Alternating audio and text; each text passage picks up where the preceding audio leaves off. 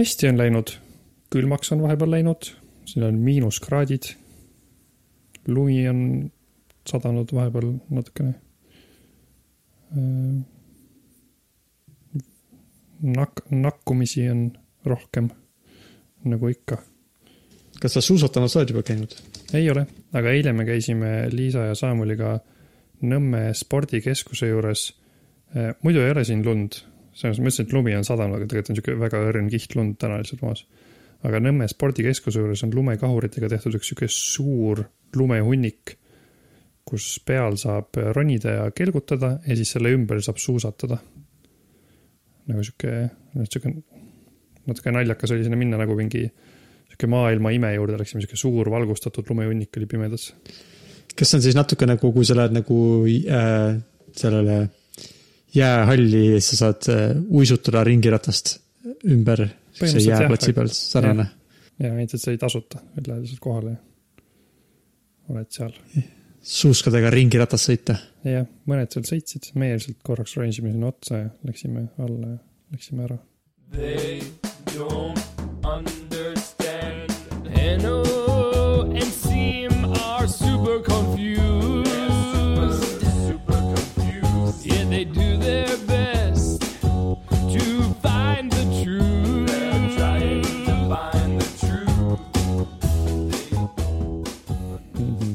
kuidas sul läheb? kas sa oled, ma olen kuulnud kuulujutte, et sa oled viimasel ajal passiivne mis toimub äh,? ja, ja, ja ma ei teagi, mis toimub, ma ei tea, kas see on, kui te. no et lihtsalt, et taustaks, siis ma vist ise, mul on tunne, et ma kasutasin sedasama, ma ütlesin seda enda kohta mm. grupi chat'is. Ja siis äh, mul on tunne, et Liisa käskis sul küsida, Siim, miks sa nii passiivne oled? no see kõlas natuke sihuke, et äh, kas, äh, et kas see on mingi, kas su elus on mingi sihuke raske aeg, et sa oled kuidagi eriti passiivne või sa lihtsalt mõtlesid, et ah, sa ei viitsi eriti mingeid asju teha? pigem see teine variant vist, et ma ja, ei arva okay., mul on elus võib-olla sihuke aeg, kus ma olen passiivne ja ei viitsi eriti asju teha, aga ma ei tea, kas äh,. kuidagi, ma arvan, viimastel nädalatel, kuudel on natuke rohkem sihuke tunne küll jah, nagu mm. kui nädalavahetus käes tahaks lihtsalt lõsutada ja. okei okay., et sa ei ole nagu kliiniliselt passiivne?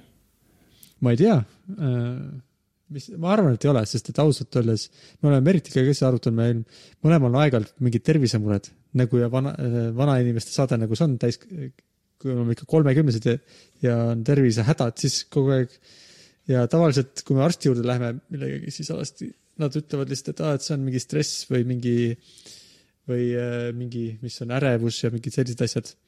aga siis me nagu kogu aeg arutame omavahel, et minu meelest meil ei ole mingit erilist stressi või ärevust, et elu on suhteliselt nagu, nagu praegu näiteks pandeemia, meid eriti palju ei ole otseselt isiklikult puudutanud, ei meie lähedasi, meie sissetulekut, meie mingit elutingimusi. Äh, meil on mõlemal suhteliselt vab-, aega nii, midagi, millegagi tegeleda, kui ka rahulikult lõõgastuda. meil ei ole mingisugust suurt, ma ei tea, Liisel läheb koolis hästi, meil on nagu enam-vähem saame omavahel ilusti läbi ja sihuke nagu, et ei ole tegelikult millegipärast. muidugi aeg-ajalt mõni asi võib-olla ärritab või mingi asi tekitab mingi, mingi pinge on kunagi, aga see tundub nagu peaks olema normaalse elu osa, mitte et me oleme nüüd väga stressis või väga ärevuses ja sellepärast oh, meil südamed puperdavad või midagi. jah, see, see, see on normaalse elu osa, see on huvitav nagu asi, millest mõelda, sest ma olen ka mõelnud, et eh, noh, mul on ka mõnikord natuke raske, siis ma olen mõelnud, et tõenäoliselt enam-vähem keskmiselt kõigil inimestel on umbes nii raske, noh, muidugi paljudel on väga palju raskem. aga ma mõtlen sellistest inimestest, kellel muidu läheb üldiselt hästi, aga samas ma ei tea, äkki kõigil on palju raskem, äkki kõigil tegelikult on palju lihtsam. aga muidu jah, ma, ma olen ka selles klubis, et äh, küsisin arsti käest, mis, et enda vaimse tervise kohta infot ja ta ütles, et sa oled lihtsalt stressis, maga rohkem mm. et noh, see on hull tõsi, ma magan keskmisest vähem, noh, soovituslikust kogust vähem. et ta arvas, et mul, mul nagu see mure oli selles, et ma kuidagi viimasel ajal unustan palju asju ja, ja võib-olla ka nagu ärritun kergesti või äh, konflikti, konfliktsetes olukordades ja siis, siis ta ütles, et ta arvab, et et kui ta võtaks mingi hunniku inimesi ja paneks nad ka magama viis tundi päevas, et siis neil tõenäoliselt oleks samad kaebused, et ta soovitas mul magada. võib-olla jah. Äh, minu, ma olen vist sellest rääkinud ka, et mul süda puperdas või niisugune nagu, no tead, sihuke nagu teeb, ma ei tea, kas sul on olnud siuksed asjad nagu, et kas lööb kuidagi kiiremini või sihuke tunne, et jätab mingi löögi vahele või midagi, mis oli väga nagu sihuke, kui mul see algas või oli esimese korda, siis ma olin väga ärri, väga nagu mures selle pärast, see on nagu, kui sa süda teeb midagi imelikku, see on sihuke, kogu aeg mõtled, kas ma suren nüüd kohe ära, kas ma peaksin jooksma haiglasse. Äh, aga see oli nüüd aastaid ja aastaid tagasi ja nüüd ma nüüd ma isegi arvatavasti vahepeal on ah,, vist oli praegu see, nojah, ja ma isegi ei mõtle selle peale eriti aga noh, see oli, see on ikka teekond on selle osas, et ma olen nüüd sellega lihtsalt leppinud ja siis ma käisin arsti juures ja mulle pandi see kahekümne nelja tunni mingi aparaat ja siuksed asjad. aga mitte midagi keegi kuskilt ei leidnud ja lõppkokkuvõttes oli ka vist, no jaa, et võib-olla sa oled lihtsalt natukene mures, aga mulle tundub, et see on lihtsalt põhimõtteliselt see on see, et nagu arstil on nagu, no me ei leia midagi ja inimestel on tihti ja nad elavad sellega, siis võib-olla, et sa pead ka. kas selle kahekümne nelja tunni jooksul sul oli see tunne ka muidu või?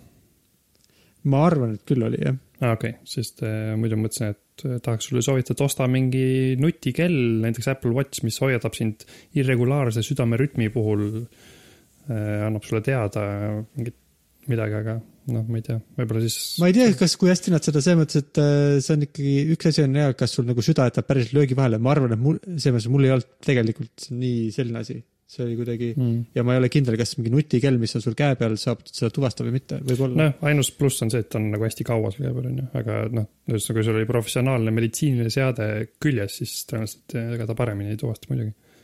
nojah, ja vist lihtsalt tuleb välja, et see on ka üks asi, mis inimestel lihtsalt on.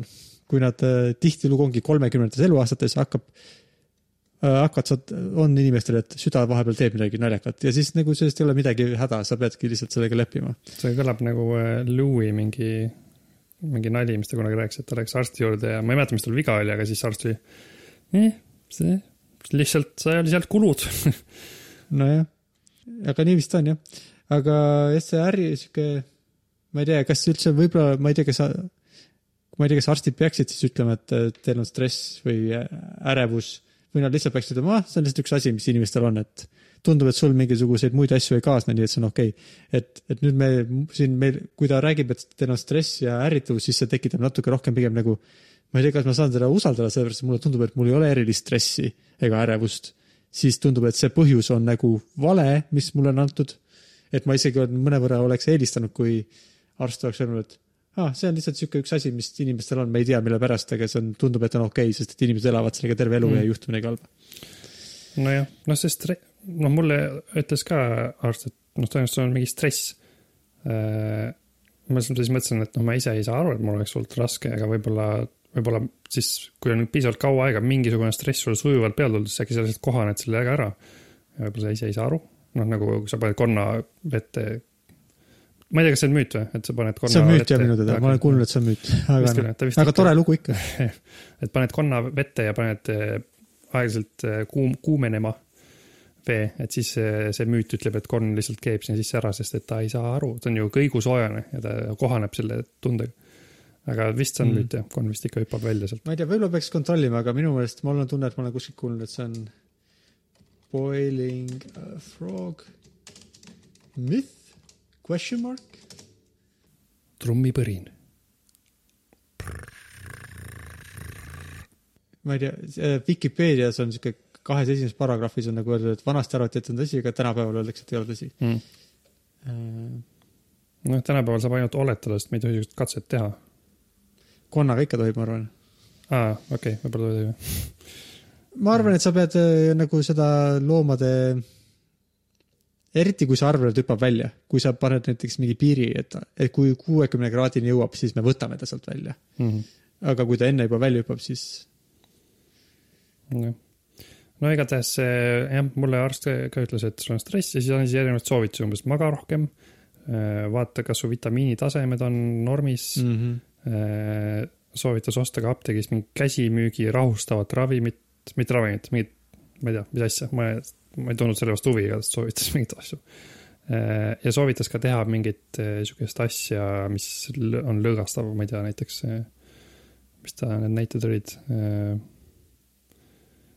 noh, umbes, et ma käi- käisin jõusaalis kunagi, et mine tund aega tee üksi mingit asja, millal sa ei pea tegelema mingite muude asjadega. mm..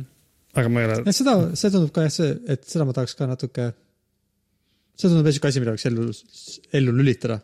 no ma iseenesest sõidan kaks korda pool tundi päevas rattaga tööle koju ja siis ma mõtlesin, et äkki see on okei okay..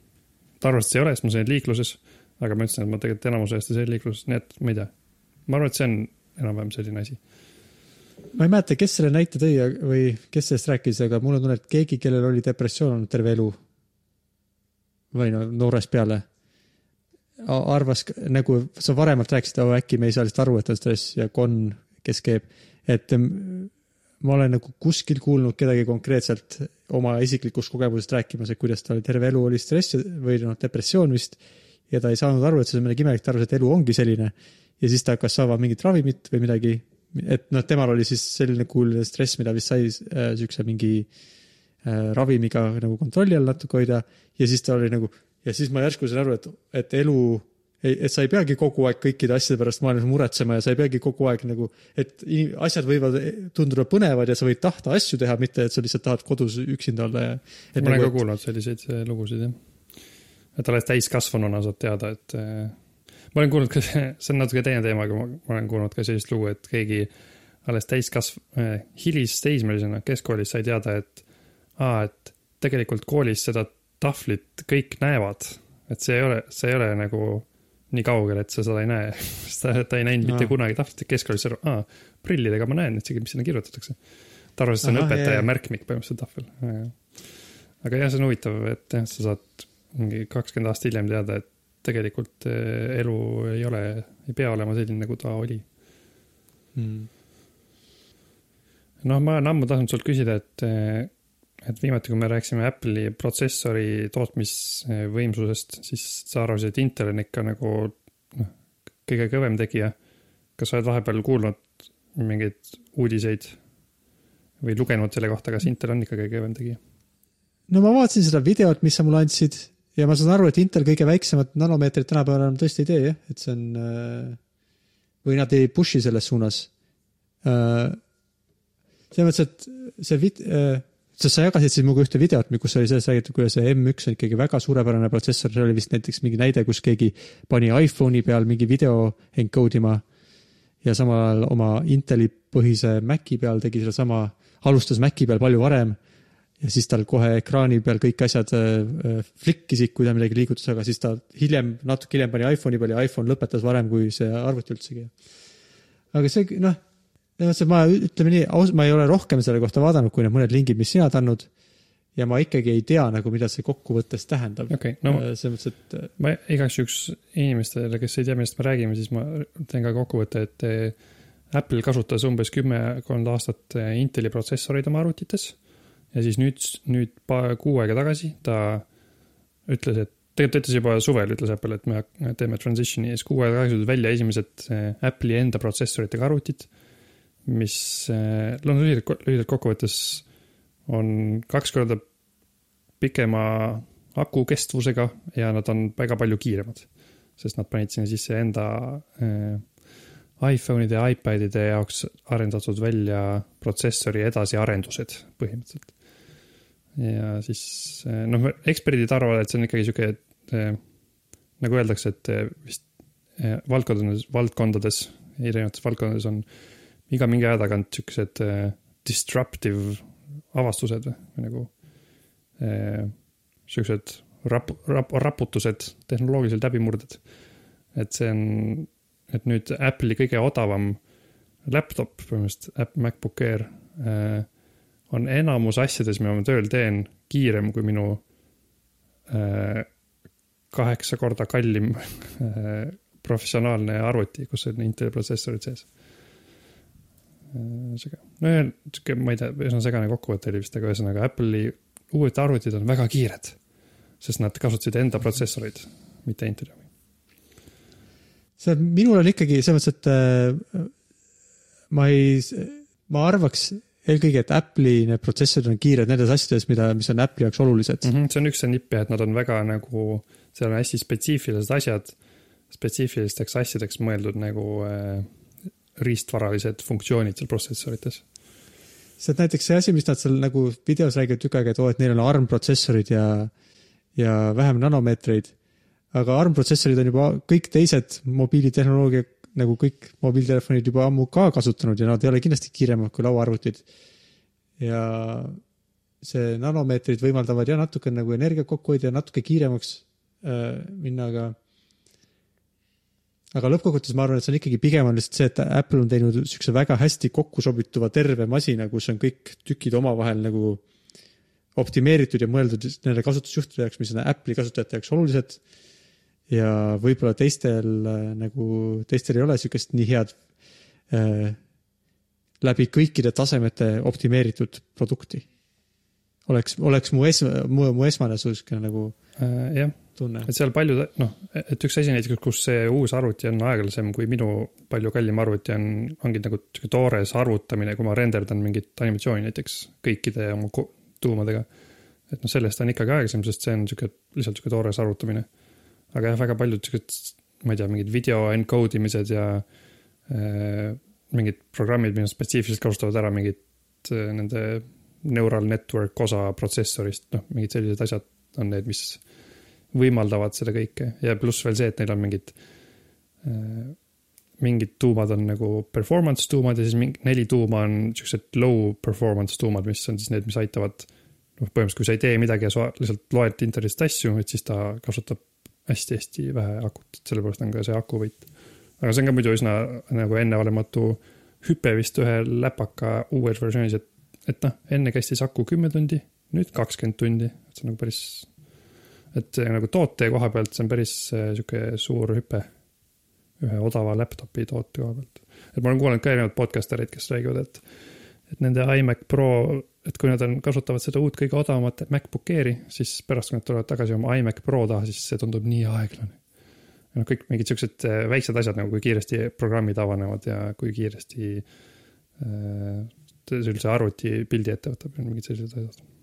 nojah, see on põnev äh,, äh ma teen rohkem nagu, no ütleme, sellest ka hirmus palju ei tea, sest ma pikalt töötan, aga ma mõtlen, minu kogemus on rohkem vaata siuke, et äh, data center'id, siuksed, no ütleme, kus on terved suured majad arvuteid täis ja nende, kui palju arvutusvõimsust seal on. Ja see on, see, seal on küsimus ka energia tarbimise peal olnud nagu väga su-, nagu küsi-, nagu juba sihuke standardmõõde on see, et kui palju arvutusvõimsust sa saad ühe vati energia eest ja siis mitte ainult selle nagu arvuti enda poolest, vaid ka see energia tarbimine, äh, jahutamine ja niisugused asjad. ja selles kõiges on ka see nagu see, muidugi need väga, see Apple'i kogu produkt väga hea, nii et on.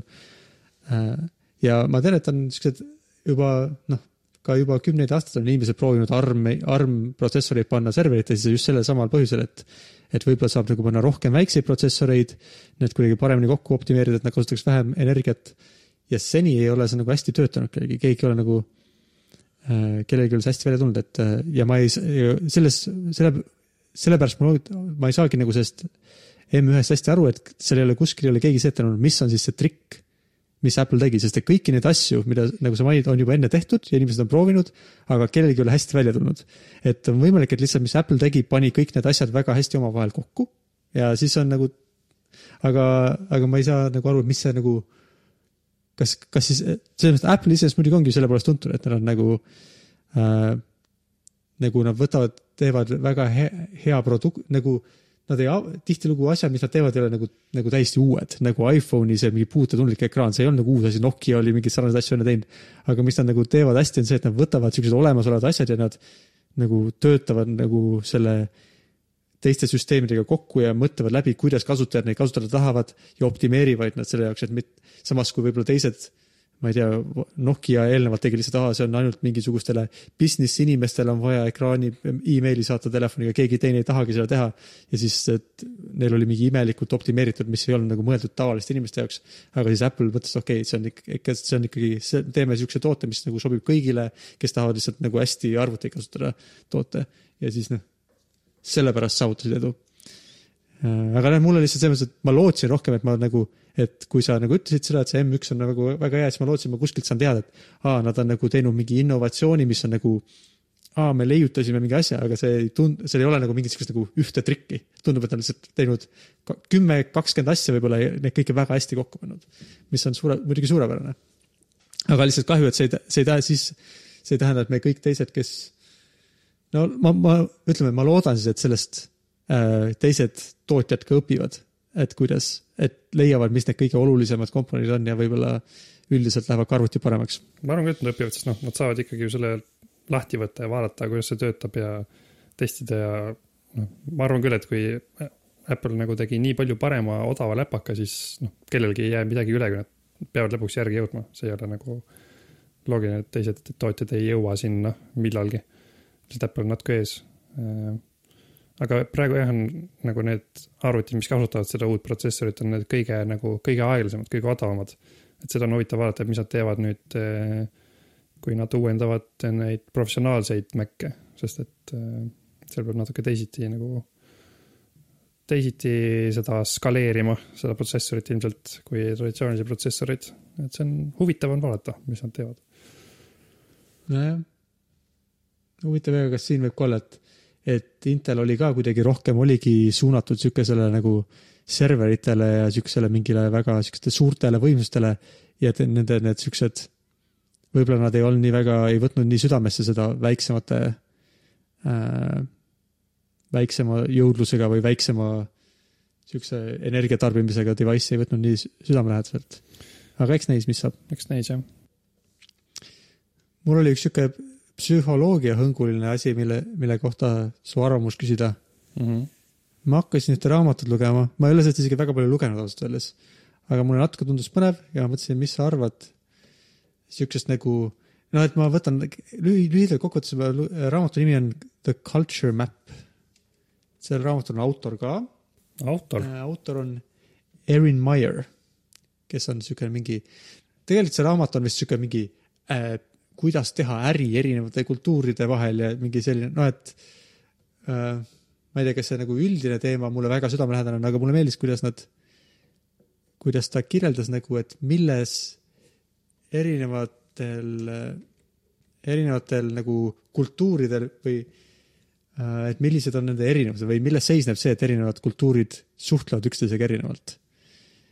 ja tal oli sihuke kaheksa kategooriat, millest mõned tunduvad siuksed väg- nagu peaaegu stereotüüpilised, millest palju räägitakse, nagu näiteks üks on scheduling ehk nagu siis, et millal asjad tehtud saavad, et kas on väga lineaarne ja täpselt määratud ajaliselt kõik või, või aeg on sihuke nagu paindlik ressurss, et teeme täna, teeme homme, vaatame, kuidas jõuab, onju. et see on sihuke tavaline kategooria, millest räägitakse.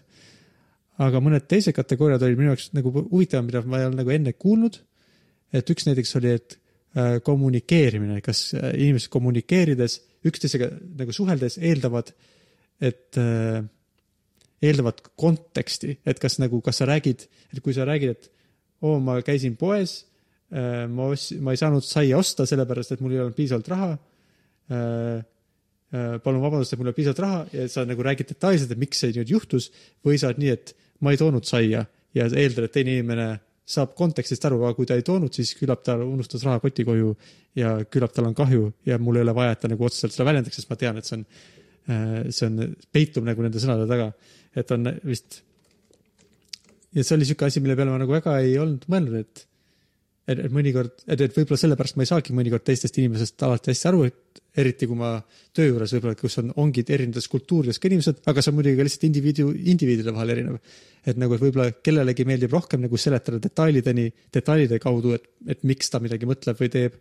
aga teisele inimesele meeldib rohkem nagu lihtsalt öelda ja eeldada, et teised inimesed saavad aru ja see on nagu, et, et võib-olla kui sa liiga palju detaile seletad, siis sa oled lausa nagu natukene üleolev, et sa arvad, et inimene on rumal, et sa pead nii palju detaile talle seletama. mm. -hmm.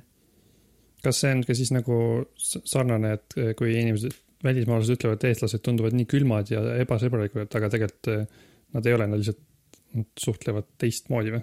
kas see on nagu sama asi? ma arvan, et see on jah veel üks mingi tahk, ma ei tea, huvitav, kas see ongi üks nendest, kas siin on, no siin ma ei näe ühtegi sihukest tahku, mis on külm ja ebasõbralik, mis oleks inimeste, et need kaheksa kategooriat on muidu see äh, konteksti hulk kommunikeerimisel, siis, kuidas antakse tagasisidet, kas on väga otsene tagasiside, see, mis sa tegid, läks halvasti või siis, et sa annad sihukest kaudselt tagasisidet kuidagi, no oleks võinud paremini, sa väga hea tulemus oli, aga kui sa oleks nii teinud, siis oleks veel parem olnud.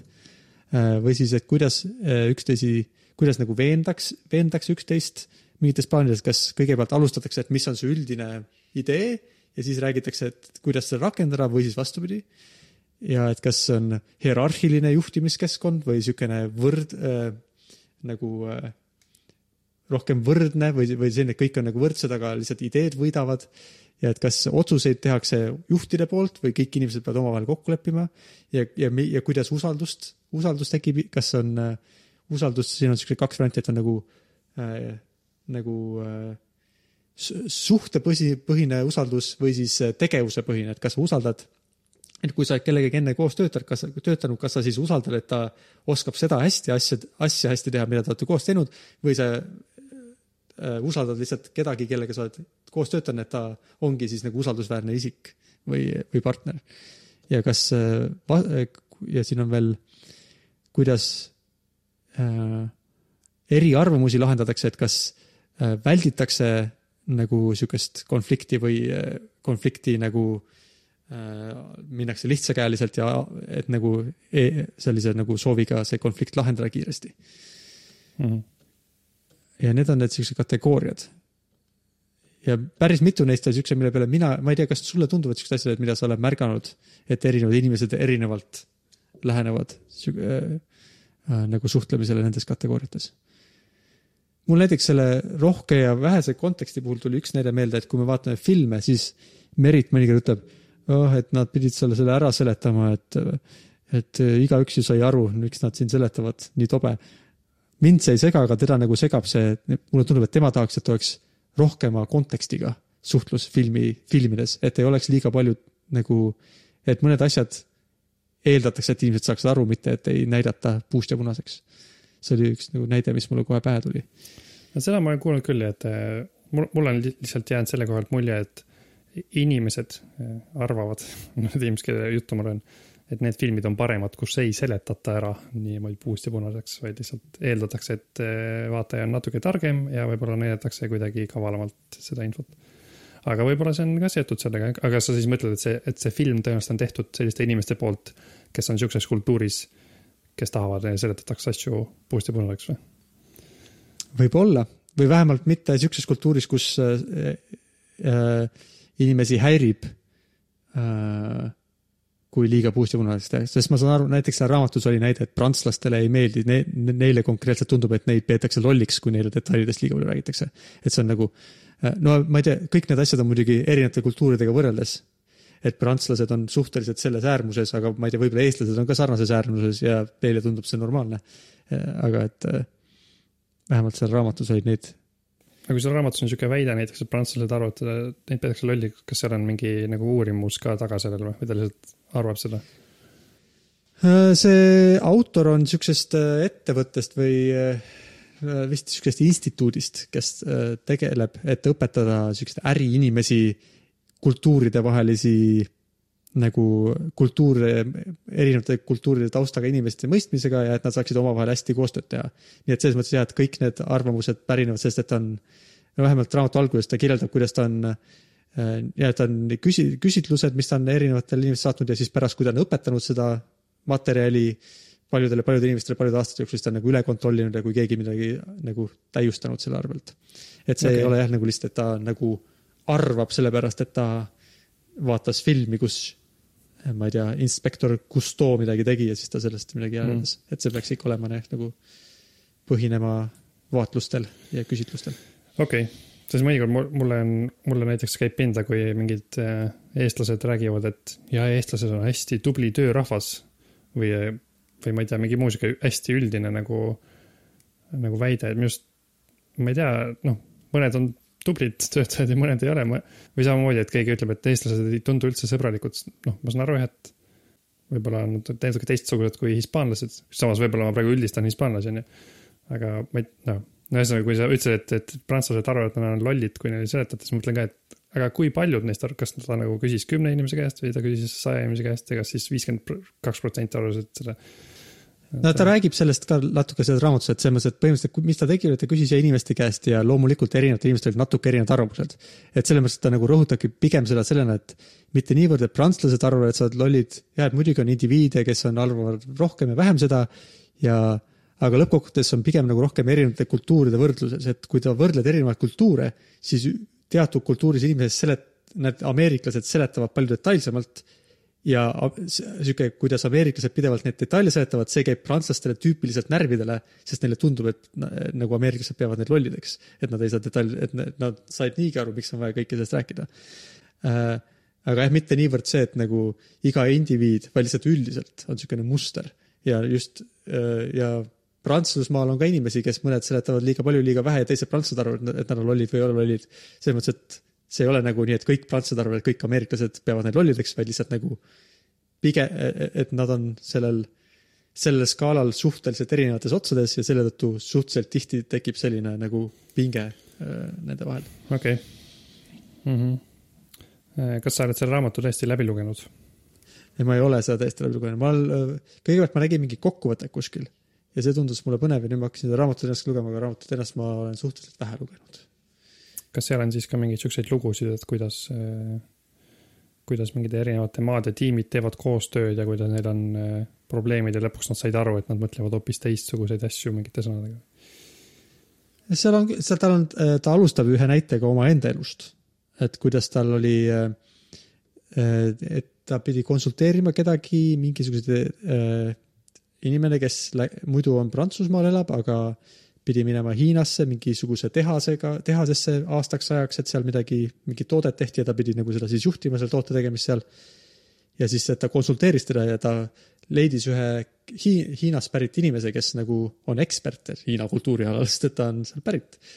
ja, ja palus talle, et valmistada ette, et, et, et, et tal olid mingid näited, millest ta tahtis rääkida, et kas sa võiksid nagu igaühe kohta paar näidet tuua, et, et me saaks nagu noh, ilmestada seda äh, et, et millest, et millised erinevused on Prantsuse ja Hiina kultuuri vahel. ja siis, kui nad omavahel rääkisid, siis ta oli ja, ja muidugi saan. Ja ta tundus väga sihuke positiivne ja väga ta, nagu ta, et väga hästi oskas seletada asju omavahel, aga siis, kui nad olid seal ruumis selle nii-öelda sellega, keda nad õpetasid, siis kogu aeg ta ootas, et see nagu jättis pausi väikese, et saaks see Hiina kultuuriekspert midagi öelda, kas ta lihtsalt seisis ja noogutas seal ja ei öelnud mitte midagi ja siis lõpuks ta oli mitu tundi juba vist oli tal kestnud see, ta oli juba päris mures, et, et see Hiina ekspert ei aita üldse kaasa ja juba hakkas mõtlema, et mis siin valesti on. ja siis ta küsis, et kas sul on mõni näide ja siis ta ütles, jaa, on küll. ja siis võttis oma vihiku lahti ja hakkas lugema nagu algusest peale, mis näiteid ta oli üles kirjutanud ja kõik olid väga kasulikud ja siuksed, et selles mõttes tal oli väga palju tegelikult nagu lisada vestlusele. aga siis ta seletas, et, et et meie, et Hiina kultuuris on nagu, et, et, et sina oled selle miitingu juht ja sa pead mulle sõna andma, ma ei, ma ei tohi sulle vahele segada ja sa ei jätnud nagu, et kui sa oleks jätnud veel pikema pausi, siis ma oleks võib-olla julgenud öelda, aga sa jätsid siukse paarisekundilise pausi ja mi, ma, minu, minu kultuuris peab nagu, sa pead olema lugupidav selle äh, nagu juhi osas ja ei tohi talle nagu vahele segada ja pead lihtsalt äh, kuulama hästi, et see hea kuulaja olemine on väga tähtis. et siis ta sai omaenda selles Hiina kultuuri õpetamise äh, kus ta pidi Hiina kultuuri õpetama, seda ta sai ise omale Hiina kultuuri õppetunni. et see oli ta sihuke avanäide oli see mm,. okei okay.. mul meenub äh, üks This American Life'i osa, mis ma kunagi ammu kuulasin, mille nimi on Nummi. Äh, Nummi on, on üks sihuke, äh, üks firma, autotehas põhimõtteliselt Ameerikas, mis avati koos Ameerika firma ja Jaapani firma nagu koostöös, General Motors ja Toyota. ja põhimõtteliselt jaapanlased tulid ja õpetasid ameeriklastele, kuidas autosid toota tehases. ja seal oli ka hästi palju siukseid äh, erinevusi. et äh, ameeriklased nagu, neile ei meeldinud eriti nagu abi küsida ja liine kinni panna, kui mingi probleem oli, vaid nagu kiiresti kuidagi üritada lahendada nii palju, kui nad jõuavad. peaasi, et nagu töö, töökultuuri suurim vahe oli see, et ära kunagi pane liini seisma, see kogu aeg peab käima. aga Jaapanis oli täiesti vastupidi, nad olid, kui sul on mingi probleem vajuta nuppu, kõik seisma, äh, kutsu kolleegid appi ja me lahendame selle ära ja siis see oli vist põhiline asi, mis nad pidid juurutama nende Ameerika kolleegide sisse, et see on okei okay,, okei okay on, et sul on mingi probleem ja sa vajad abi ja siis te lahendate selle ja siis jätkate tööd. et see oli päris huvitav oli kuulata, minu arust isegi mingi Netflixi dokumentaal on sarnasel teemal, ma ei tea, kas täpselt samast asjast, aga. NUMMI jah, see hea akronüüm, see on tegelikult New United Motor Manufacturing Incorporated, NUMMI. See kõlab jah, nagu mingi Kaizen on mingisugune siukene, kas see on mingi Toyotast pärit printsiip, kuidas asju teha. see kõlab väga selles vaimus. üks teine näide, mis ma mäletan, oli, kuidas keegi läks äh, vist Iisraelist pärit, keegi läks Venemaale äh, venelastega koos töötama ja vist nende suur kultuurierinevus oli, et kuivõrd hierarhiline on niisugune juhtimisstiil. et siis see iisraellane nagu proovis väga olla nagu oma mees, nagu üks nagu semudest ja nagu, aga siis, et see nagu vene kultuuriga üldse ei sobinud kokku, kes ootasid nagu, et juht peab olema tugev ja otsustama ja nagu ütlema, kuidas on. Ja et näiteks ta vist andis oma et ta ütles, oh, mul ei ole mingit äh, suurt kontori nagu, et, et, et kõikidel juhtidel olid nagu oma siuksed ilusa vaatega kontorid ja, ja siis nagu, et teised inimesed võib-olla töötasid kuskil nagu suuremas ruumis. aga siis ta ütles, oh, mul ei ole seda vaja, et ma töötan oma, oma poistega koos ja siis kõik need äh, tema tiimiliikmed olid nördinud sellest, et ta saatis sellega signaali kõigile, et nende osakond ei ole üldse tähtis ja on mõttetu ja et nagu, et siuksed äh,, nagu kuidas erinevad kultuurid, siuksed erinevatest aspektidest, et tema arvas, et ta on väga just nagu, ma olen nii, nii hea teie vastu, et ma nagu kohtlen teid nagu võrdseid ja nagu, et ma ei ole mingi nagu vastik boss, aga siis nende jaoks oli just nagu ta on nii nõrk ja saamatu ja saadab valesid signaale kogu, kogu ettevõttele. et kõik olid, et siis ta pidi nagu õppima, kuidas olla rohkem äh, nagu, rohkem autori, aut-, autoritaarne, sest et see oli see, mida oodati temalt sellega mul jällegi meenub, kuidas, kui ma vaatasin kuidagi Air Crash Investigation'it või Mayday on ta teise nimega, siis sageli, kui olid mingid Korea juht, asjad, mis juhtusid Korea lennukitega, siis seal probleem oli see autoriteetsus, aut-, autori-, autoriteetne sihuke hierarhia, et kui see nagu kapten tegi midagi valesti ja siis see teine piloot nägi seda, siis ta ei julgenud öelda, sest et ta ei tohi eriti kaptenile midagi vastu öelda. ja siis lennuk kukkus alla. jep, ma mäletan ka seda, kuidas see oli ikkagi suht mitmes osas, alati kui see Mayday osa algas sellega, et mingisugused Korea inimesed lennukis, siis aa okei okay,, ma vist tean, mis siit, mis siin juhtub. et äh, nad vist on sellega pidanud mitu korda selliste probleemidega tegelema. jah, aga kuidagi põnev on jah see äh, ma, äh, miks ma hakkasin seda praegu vaatama, oli seepärast, et kui oli vist mingi uudis selle kohta, kuidas et inimesed, kes usuvad rohkem äh, siuksed vandenõuteooriad, et nemad on äh,, neil on kalduvus äh, eelistada intuitiivset mõtlemisviisi analüütilise mõtle, mõtlemisviisile, et selline uudis oli. mis ma ei tea, see võib-olla ei ole nagu, see kõlab loogiliselt, aga selle peale ma hakkasin lihtsalt siis mõtlema nende mõtlemistüüpide peale ja mul tuli see raamat meelde. aga võib-olla huvitav küsimus on ka, et, et huvitav, kas nagu need et, et selles uudises nagu jääb sihuke mulje, et oo, et kui sa oled nagu intuitiivse mõtteviisiga, et siis sa äh, kaldud vandenõuteooriate uskumisele ja siis võib-olla see on negatiivne, kui sa oled intuitiivne, võib-olla analüütiline mõtteviis on, mõtteviis on parem. mina leian, et mul on analüütiline mõtteviis, siis mulle see sobib, see, aga ma, aga, aga arvatavasti siuksel intuitiivsel mõtteviisil on ka oma plussid ja meil on nagu mõlemat vaja, et äh, efektiivselt igasuguseid erinevaid probleeme lahendada kas sul on selle kohta mingi arvamus, Henno? no see kõlab nagu, et kahju, et kui keegi on väga intuitiivne, siis ta langeb eh, põhimõtteliselt pettuse ohvriks et see kõlab nagu va vastuoluliselt, aga no selles mõttes ma saan aru, et analüütiline on sihuke, ma ei tea, skeptilisem siis või, võtab nagu tõ, eh, tõenditepõhine rohkem. ma arvan, et intuitiivne on kuidagi see, et sul on nagu, kui sul on mingi tunne, siis sa nagu lähed selle tundega peale välja, et no okei okay,, mulle tundub, et see on nii ja siis sa nagu, et sa ei analüüsi seda nii palju, et ma, üks asi, mis ma arvan, mille poolest see võib olla parem, et kui sul on, et sa saad palju kiiremini asjad tehtud. sul ei ole sihukest tunnet, et vaat mul on vaja kõik läbi siin analüüsida, vaid sa nagu usaldad oma sihukest intuitsiooni. Ja kui äh, teatud olukordades võib intuitsioon olla inimestel väga hea, kui see on näiteks, kui on keegi, kes on väga hea inimestega suhtlemises, siis tal võib olla väga hea intuitsioon selles osas, et mida teised inimesed arvavad ja kuidas on kõige parem mingeid konflikte lahendada või et näiteks ma arvaks intuitiivse mõtteviisiga äh, sihuke juht, kes inimeste oma tiimi heaolu eest hoolitseb, võib seda väga hästi teha puhtalt intuitsiooni alusel, ilma et ta peaks nagu analüüsima konkreetselt. oi, tema on praegu äh, stressis, see tähendab, et ma peaksin tegema nii äh,. stressi tavaliselt põhjustab liiga palju tööd, kas tal on, et sa ei pea kõiki neid asju läbi mõtlema, vaid sa kohe nagu tead, kuidas inimestel nagu emotsionaalselt aidata neil toime tulla. noh, sellises olukorras ilmselt see intuit-, intuit-, intuitsioon või, kui, mis see nimi seal on? intuitsioon Intu... kõlab küll õigesti, jah. intuitsioon Intuits... mm.. et see on ilmselt tulnud kogemusest, on ju, et kui ta noh, ta on olnud piisavalt kaua mingis keskkonnas, teinud mingeid otsusi, näha, näinud, kuidas tehakse otsusi.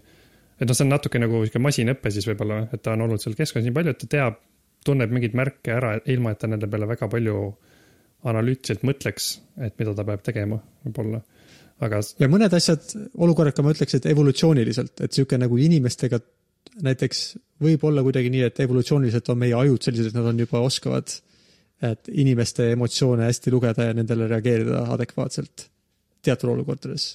Äh, ja mitte kõik inimesed, aga mõned.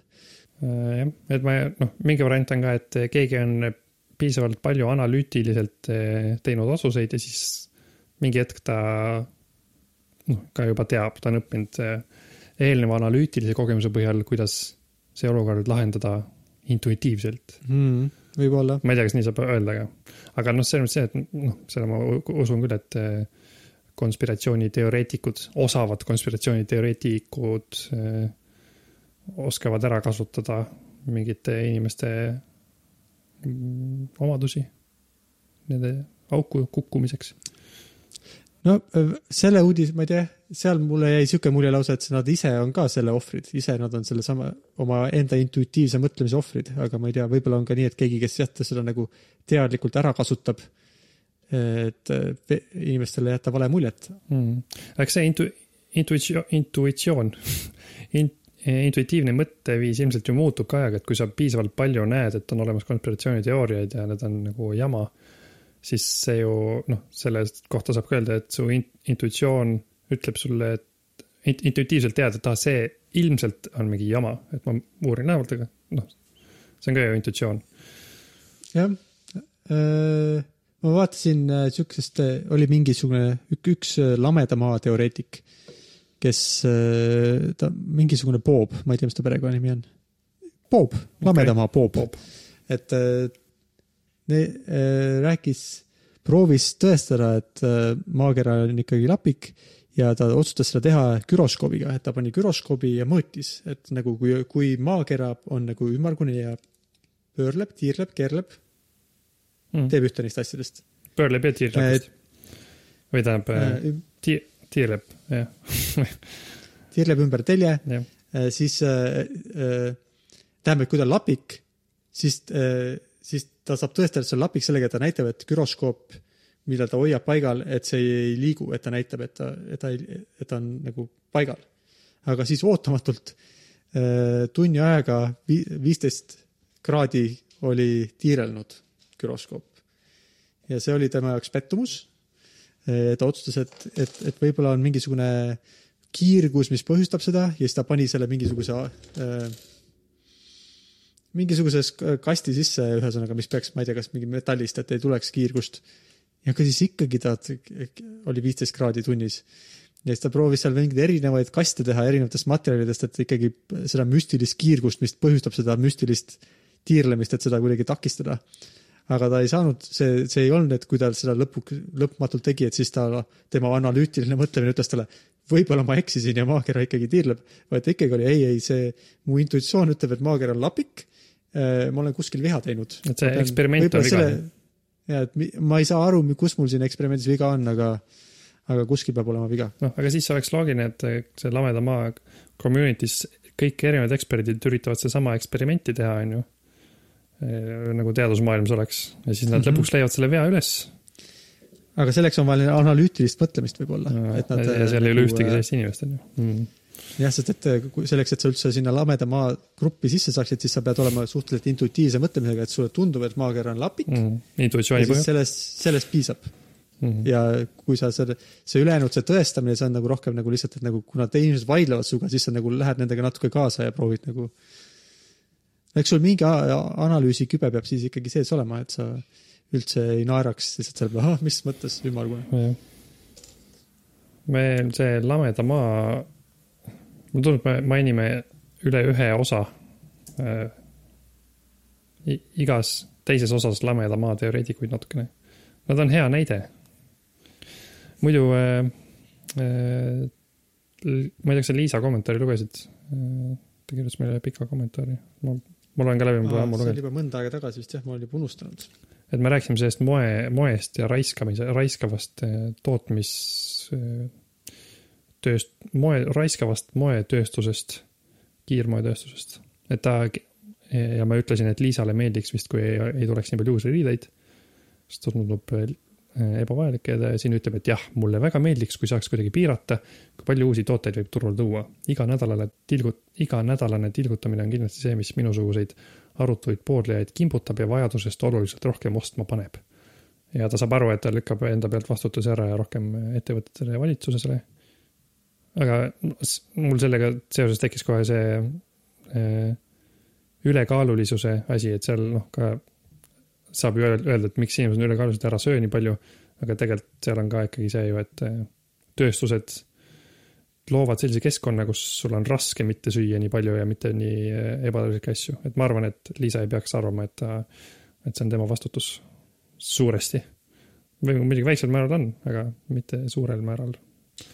nojah, see on niisugune keeruline, see on nagu natuke see lõpuks on see filosoofiline küsimus, et et kas meil on vaba tahe või ei ole, kuna lõppkokkuvõttes on ikkagi kõik lihtsalt need, needsamused äh, aatomid meie ajus ja neuronid meie, mis nendest moodustuvad, nad lihtsalt teevad midagi ja see on nagu kõik niisugune nagu arvuti ja ta teeb, mis ta on ette nähtud. aga, aga jah, ja, ja mingil määral on see tõsi, et meie keha kindlasti kontrollib meid ju suurel määral, et emotsioonid ja igast biokeemilised, kui sul ikkagi aju toodab mingit kemikaali, mis tugevdab mingeid teatud seoseid, siis sul nagu äh, no nagu mis need endorfiinid ja mis nad teevad, kui sulle midagi meeldib, siis ta näiteks uued riided teevad sus ele, tekitavad sus elevust ja rõõmu, siis aju jätab meelde, et see on hea asi, mida teinekord ka teha ja sinna ei saa väga, noh et ta on mõnes mõttes paratamatu. aga teiselt poolt me saame oma, oma natuke seda kontrollida. nojah, jah, saame. mis mul veel, mul tekkis kohe mingi mingi seos sellega, mida sina rääkisid. aga see läks ära. Hmm. see on suht tüütu, kui nii juhtub. jah, on küll jah. peaks olema ikka pastakas, millega, või jah, peaks olema mingi klaviatuur mul siin ees, millega ma saaks kirja panna oma mõtteid. Hmm. aga sa ikka unustad liiga palju viimasel ajal, äkki sa läksid rohkem magama või ma midagi? unustan palju jah. täna magasin vähe küll, täna magasin vähe. Hmm. nii, edasi, kui Liisa kommentaari lugeda, siis ta kommenteerib, et ma rääkisin siin, et, et kindlasti nelja tunniga ventilatsioonita ruumis eh, viibides koroonaga nakatunud inimesega maskita, siis eh, sa nakatud kindlalt, et eh, ta ütles, et see vist päris nii ei ole, sest paljud, palju on neid, kes müstilisel kombel ei nakatu, kuigi nende elukaaslane on nakatunud koos elades mm.. Jah, ma, jah, ma lihtsalt ütlesin, mida see selle, peale ma olen ka mõelnud jah. mida see graafik seal näitas, et ma ka tegelikult ei tea, kas niimoodi kindlalt on. aga võib-olla natuke eksitavat infot jagasin küll, jah. et ei pruugi vist nakatuda, aga ma ei tea, ma ei ole. ma arvan, et ma usun, et selles konkreetses seal äh, oli, neil oli nagu võetud mingi inimene, kes parasjagu on selles koroonaviiruse aktiivses faasis ja teatud mm. mm, viiruse tasemega siukene, noh, et siukene soodne nakatumise olukord oli ilmselt siis. nojah, et Mm. mm., et siukene, kes on suht hea nakatuja parasjagu, et kui sellise inimesega viibida ruumis. et, et paljud inimesed on ju, kes on asümptomaatilised ja kellel see viiruse kulg on kergem, neil võib ka olla see viiruse tase kehas kogu aeg madalam ja nad üldse ei saagi nii palju nakatada kui mõni teine inimene, kelle, kelle keha lihtsalt seda rohkem toodab. mm. -hmm. ja lõpuks ta ütleb, et eh, meil oli tore saade ja tervitab teisi misofoonikuid. et ma loodan, et, tähendab, ma loodan, et, et misofoonikuid ei ole palju, sest nende elu on raskem, aga ma tervitan ka misofoonikuid. Kas misofoonikud olid need, kes, kellele ei meeldi äh, söömise hääled? muuhulgas jah, ka söömise hääled muuhul-, muuhulgas. aga viirus on saanud vaktsiini, eks ju, juba UK ja USA vähemalt on küll lubanud vaktsiini kasutama hakkamise, lubanud vaktsiinil hakata levima. eelkõige siis nende hulgas, kes seda kõige rohkem vajavad. ja tõenäoliselt järgmise aasta jooksul saavad siis enamus, kui kõik hästi läheb, siis enamus inimesi peaks järgmise aasta jooksul saama vaktsineeritud, kui nad tahavad seda, eks ju mm.. meil siin näidati lausa televisioonis, kuidas esimesed inimesed oma süsti said. oo oh,, lahe. kas nad olid, kas nad olid siis äh, mingid äh, vanad inimesed või nad olid äh, töötajad, kes äh,, kel on vaja mitte nakatuda, sest nad peavad tegema tööd eesliinil? Need esimesed nägid välja nagu vanad inimesed, üks oli vist üheksakümne aastane ja teine tundus ka vana ja ma arvan, nad vist ei tööta enam eesliinil. ma ei tea, mille alusel nad just, võib-olla nad valitigi kuidagi ka, et kui seal olid ikkagi fotograafid kohal ja neid intervjueeriti ja et võib-olla nad olid valitud kuidagi nagu kui esinduslikud äh, vaktsineeritavad äh,. Nad ei olnud mingid tuntud inimesed minu, nii palju kui mina tean, nad tundus, olid lihtsalt tavainimesed, aga need olid seal presenteeriti ja nad vastasid küsimustele ja nad ei plahvatanud vaktsiini saamisel ja nii edasi. okei okay.. et see oli nende roll, mitte plahvatada mm. -hmm. ja see hakkab kuskil kahe nädalaga mõjuma, jah, ma olen kuulnud. midagi sellist äh,. võib-olla jah. ilmselt need on ka erinevad, mingi kolm erinevat vaktsiini on vist praegu. mõjuma hakkamine on vist ka siuke, et mis see nagu täpselt tähendab mm. -hmm. ja see on ka vist erinev, tähendab, ei teata veel, kas see tähendab seda, et sa ei, ei, et kas sa nakatumisahela nagu lõpetad või sa lihtsalt ise ei jää haigeks mm. -hmm see on vist ka erinev. et ei, vist ei ole veel kindel. jah, et selles mõttes, et selles osas on vist päris tugevad andmed, et, et raskekujulist viirust on, ta vist kõik vaktsiinid põhimõtteliselt äh, kogu nende selles vaktsiini saanud kolmanda faasi katsetuste käigus keegi neist ei saanud vist raskekujulist koroonaviirust, mis oleks vajanud haiglasse minemist mitte ühelgi nendel praegu heaks kiidetud või praegu äh, valmis olevatel vaktsiinide puhul. aga seda, et kui palju nad, kui palju neil oli näiteks nende ninasõõrmetes äh, viirust haiguse tipphetkel ja kas nad seda välja köhisid, selle kohta vist ei ole väga häid andmeid äh,. ma tean, et osad vaktsiinid nagu mõõtsid sihukest asja, et nagu vist iga paari nädala tagant tehti mingisugune proov, proov, et kuidas inimestel ninas on ja aga noh, et, aga lõppkokkuvõttes ei tea, noh, kuna sa ei, nad ei saa iga päev ju äh, kümnetel tuhandetel inimestel katset teha, siis ei, ei ole nagu vist nagu väga kindlaid andmeid selles osas ei ole. jah, aga no üsna hea, üsna hea ikka, päris kiire, päris kiiresti äh, sai valmis. üsna hea mm -hmm. Sest et see oli vist mingi üheksakümmend neli protsenti oli vist sihuke, mingi number, mis mul meeldib, üheksakümmend nelja protsendilise efektiivsusega töötab vist. Need RNA vaktsiinid on ju üheksakümne nelja, üheksakümne viie protsendi kandis siuksed ja siis see, mis Oxfordi ja AstraZeneca oma on tunduvalt madalam, on kuskil seitsmekümne protsendi kandis. Okay.. aga ta on ka märk, märkimisväärselt odavam. ja, ja ta vist säilis märkimisväärselt eh, kauem tavalisel külmal temperatuuril, et nende RNA mm -hmm. asjadega vist, eh, RNA vaktsiine tuli vist väga-väga külmas hoida ja nad eh, kehtisid vähe aega mm. -hmm. et äh, küll nii just Modernal ja vist ka Pfizeril on mingisugused siuksed, neil on mingid konteinerid välja töötatud, kus nad saadavad sulle nagu siukse või arst, mitte sulle isiklikult, vaid siis perearstile või, või võib-olla mingisugusele suuremale keskusele siukse nagu karbi, mis oli hirmus suur. Ma kuulsin kuskilt, et on siuke pitsakarbi suurune karp, kus on need vaktsiinid sees ja seal sees on see kuiv jää ja sa pead seda kuiva jääd võib-olla kord päevas uut panema mm, -hmm. et, et, et isegi sul ei pea ilmtingimata olema seda nagu seda hüpersügav külmikusüsteemi, mida vist paljudel haiglatel ja ei ole, see on niisugune suhteliselt haruldane, et on miinus neljakümne kraadiseid külmikuid. aga et, et see niisugune, et neil on välja töötatud äh, variant, kuidas enamikes, no et kui sul on ligipääs sellele süsinik, kas külmjää on süsinikdioksiid või, või süsinikoksiid? igatahes vist üks, üks, üks neist kahest, ühesõnaga, kui sul sa sellega siis saad ise seda külma jääd juurde teha või kui sa saad tellida kuskilt, et siis on suhteliselt, et, et see ei ole nagu kohutav miinus.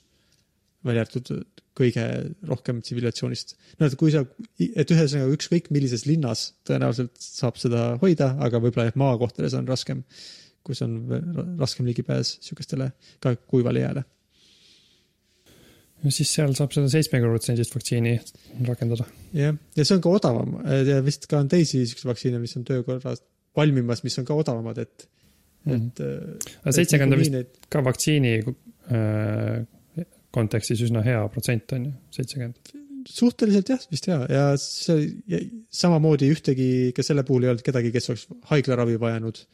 Nii et iseenesest juba kasvõi see on ju päris tore, kui okei okay,, et võib-olla sa jääd koju ja pead köhima ja tunned ennast halvasti, aga kui sa ei vaja haiglaravi ja noh, seda me muidugi ei tea, kas pikaajaliselt, vaata on ka need inimesed, kes on pärast haigestumist veel tükk aega, võib-olla isegi kuid ennast halvasti tunnevad mingis, kas neil on äh, mingisugused vaimsed hädad või on füüsiliselt äh, ei ole, ei taastu nagu äh, hingamine või südamekahjustused või siuksed asjad, et siis selle kohta vist ei ole teada, kui paljud on neid väldivad, aga võiks, ma arvan, et on üsnagi okei okay, nagu kergelt loota, et kui sa, kui väheneb haiglaravi vajamine, siis vast väheneb ka need, need nagu väga rasked sümptomid, mis võivad hiljem kaua aega püsima jääda, et siis kui nagu need kaks on vähendatud, siis see on juba, ma arvan, päris hea tulemus.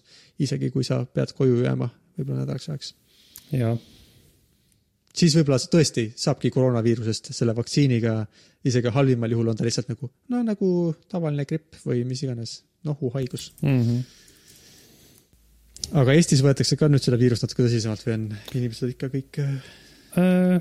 ei no ikka võetakse juba mõnda aega selles mõttes, et noh, kui need numbrid hakkasid kasvama kõrgemale, kui nad eh, kunagi olid, mingi kümme ja nii. et siis noh, nüüd ikkagi on äh,, ole, on vaja kanda maski siseruumides. kas kantakse ka või kuidas inimestele see peale läheb? kantakse ikka jah, päris palju minu arust.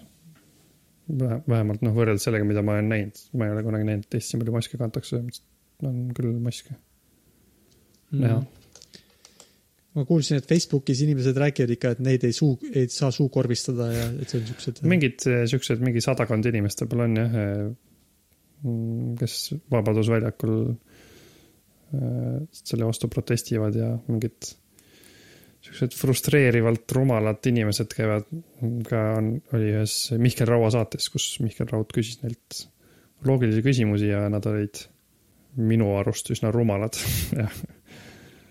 Äh, siuksed, sihuke facepalm, facepalm on see, mida ma kirjeldaks seda vaadates. aga ma arvan, et see on nagu sihuke vähemus, üsna väike kogus. nojah, vaatame, kuidas siis, kas meie need äh, maskid ja asjad aitavad vähendada nakkustaset mm. -hmm. vaatame. et, äh, et kui vaktsiinid tõesti tulevad, siis võib-olla kevadeks, suveks hakkavad nad juba levima inimeste hulgas, nii et on omajagu inimesi vaktsineeritud ja siis võib-olla on okei okay natuke rahulikumalt võtta. jah. vaatasin, et, et kahjuks, et sul oli siin üks soovitus, ma ei tea, kust see soovitus pärit on, aga et me peaksime romantikast rääkima, aga me sellest küll ei rääkinud seekord. romantikast või mm? -hmm. ma ei tea, kust see tulnud on. Henno, aga podcast'i mõttes oleks küll joostes huvitav kuulata sind ja Siimu romantikast rääkimas ja midagi ja, arvamas. see tuli jah kelleltki, ma enam ei mäleta, kellelt. romantikast jah no võib-olla siis võime selle panna äh,, ma panen, jätan selle siia kirja, võib-olla siis järgmine osa räägime romantikast. sest et see on siin lausa siukse nagu teise värviga värvitud, et nagu eriliselt tähelepanu köita. ma arvan, et see on kogemata tulnud, see, see teksti stilistiline formaat hmm,. okei, okei. aga romantika siis, okei okay,, me peame ette valmistama. kuidas äh...? kuidas olla romantiline tänapäeva kuidas, kuna, kuidas kaasaegne mees saab olla romantiline mm? -hmm. vastused kahe nädala pärast mis sa nüüd edasi teed? ma ei teagi, võib-olla süüa hmm. midagi mm.. Elisal oli tegelikult oli siin mingi Lego, mida tahtis, et ma aitaks tal kokku panna ja ma aitan tal Lego kokku panna. mis Lego? tal on siukene Harry Potteri Lego jõulukalender sest iga kord Aa, on jah. mingi väikene Harry Potteri Lego. Äh, kuulsin jah, ja Samuelil on Lego City Lego kalender ja siis ma olen mm., ma olen silma peal hoidnud äh, brickset.com review b igat seda kalendri eset ja siis ma olen vaadanud ka aeg-ajalt, mida, mida Eliise se- täna sai, mida ta täna sai. mm.. ta ei saanud aru, mida ta täna sai, ta küsis, mis asi see on. ta pani enam-vähem kokku, aga ei, meil oli segadus. vaata, täna on kolmteist ja tundub õige mulle tundub, et ta sai ühe valge jõulupuu. mm,. okei okay.. minul on äh, Merit väga romantiliselt äh, kinkis mulle tee jõulukalendri, kus iga päev on uus tee aa, on, kas see on lahe? ah näe, saigi kokku jõulupuu. I did it. kuidas sa I, oskad I seda had to take this off and replace them. Turns out that you had to put these here, and you also had to put an extra pink stud in. aa, okei. Samuel sai täna miniatuurse pangahoone, mille kõrval on üks miniatuurne puu Mm, ma mõtlesin, et pangaröövel. mm.. okei okay,, aga järgmine kord räägime siis teistest asjadest. sihuke tore lõpulause. tšau siis. tšau.